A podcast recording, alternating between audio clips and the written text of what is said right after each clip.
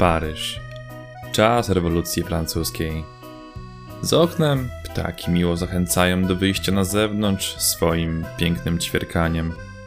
Co jakiś czas słyszysz odgłosy wystrzeliwanych kul do przeciwników rewolucji, a w oddali dochodzi do ciebie donośny dźwięk upadku wielkiej żyletki na czyjś kark.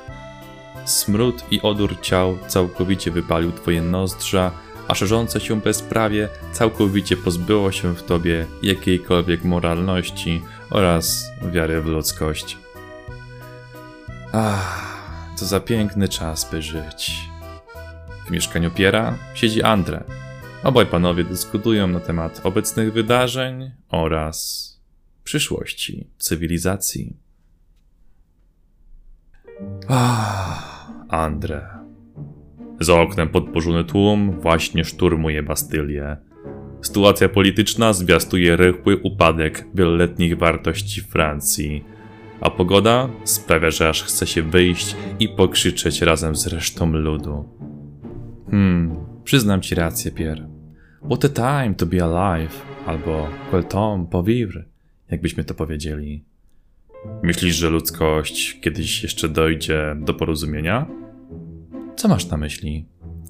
Czy obecne klasy społeczne będą w stanie dojść do konsensusu? Jakby nie patrzeć, wieloletni wyzysk oraz wykorzystywanie chłopów nigdy nie przynosiło na tle historii żadnych dobrych rezultatów. Ostatecznie kończyło się to buntem albo innymi zamieszkami. Masz na myśli wiosnę ludów? Między innymi, chociaż nie wyprzedzajmy jeszcze naszej epoki. Racja. Myślę, że prawdziwe pytanie brzmi nie czy, ale jak będą w stanie dojść do konsensusu. Sugerujesz więc, że władza jest na tyle kompetentna, aby samej dojść do źródła swoich wad, egoizmu, pyszałkowatości, ignorancji oraz dumy? Myślę, mój drogi Pierre, że musimy sobie przede wszystkim odpowiedzieć na pytanie, dlaczego władza spacza na złą drogę. Widzisz, wraz z wielką mocą wiąże się wielka odpowiedzialność.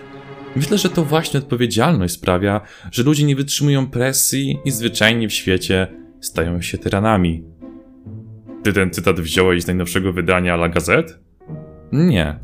Jacqueline była wczoraj u Franceski na domówce, a ta po, podobno po wypiciu czwartej lampki nielegalnie importowanego Prosecco zaczęła mówić jakieś farmazony.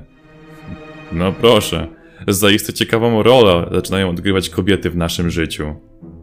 Co masz na myśli? Zdobywają coraz więcej praw.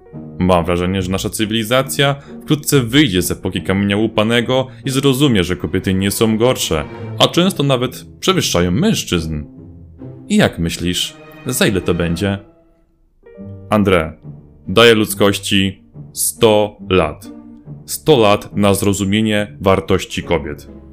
Czyli w 1889 roku ludzkość oficjalnie zrozumie znaczenie kobiet w społeczeństwie i zacznie je poważnie traktować, dając im równe prawa, pozwalając im podejmować każdy zawód oraz dać wolność gromadzenia się?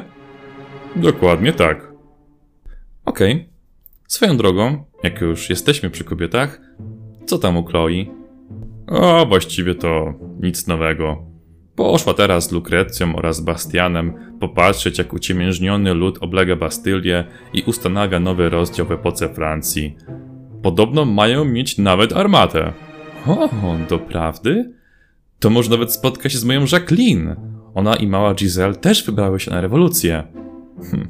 Jeśli uda im się odnaleźć w kilkutysięcznym tłumie skandalującym wszelkie hasła oczerniające obecną władzę i gotowym do rozlewu krwi, to myślę, że na pewno się spotkają. Pier, czy naprawdę nie ma innej drogi niż przemoc? Pytasz, czy nie ma innej drogi niż przemoc, aby obalić urojonych władców, wierzących, że ich moc pochodzi od samego mitycznego stworzenia, jakim jest Bóg, oraz myślących, że skoro ludu nie stać na chleb, to będzie stać na ciasteczka? Pytam, czy to wszystko nie można rozwiązać dialogiem. W końcu burżuazja od chłopów różni się tylko i wyłącznie stanem majątkowym. Pytanie André. Czy burżuazja postrzega ich tak samo? Oni raczej widzą w nich podludzi, niewolników, kogoś gorszego. Gdyby jednak widzieli ich na równi, pewne nierówności społeczne zaczynałyby się zacierać. A to z kolei sprawiłoby, że burżuazja straciłaby swoją wyjątkowość i prestiż. Widzisz, André? Pieniądze, duma, egoizm oraz ignorancja prowadzą nas do klasyfikacji społeczeństwa. Wiesz co, Pier? Pieniądze zostawiłbym w spokoju. One nie są niczemu winne, są raczej treścią niżeli kontekstem. To my nadajemy im znaczenie, tak jak nadajemy znaczenie wydarzeniom, przedmiotom czy ludziom, tak samo robimy i z pieniądzem, a że najczęściej dajemy mu interpretację władzy i potęgi, niżeli możliwości szerzenia dobra oraz wsparcia, to, to tak naprawdę sami kopiemy pod sobą dołek.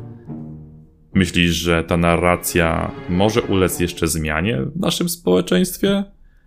Tak, ale wymaga to lat pracy, mądrych i empatycznych liderów oraz naprawdę dużej cierpliwości. Im więcej dobrych autorytetów godnych naśladowania, tym nasze społeczeństwo wzrasta. Jak najbardziej się z Tobą zgodzę. Czyli co? Wychodzi na to, że nasze społeczeństwo przeżerają negatywne emocje i to one powodują, że spaczamy wszystko, co może nam służyć jako dobre. Dokładnie. Zszedłbym nawet jeszcze głębiej w tym temacie, ale myślę, że już powoli musimy kończyć.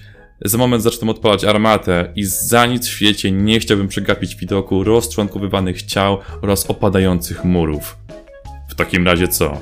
Kontynuujemy już za dwa tygodnie? Owszem, Pierre. Owszem.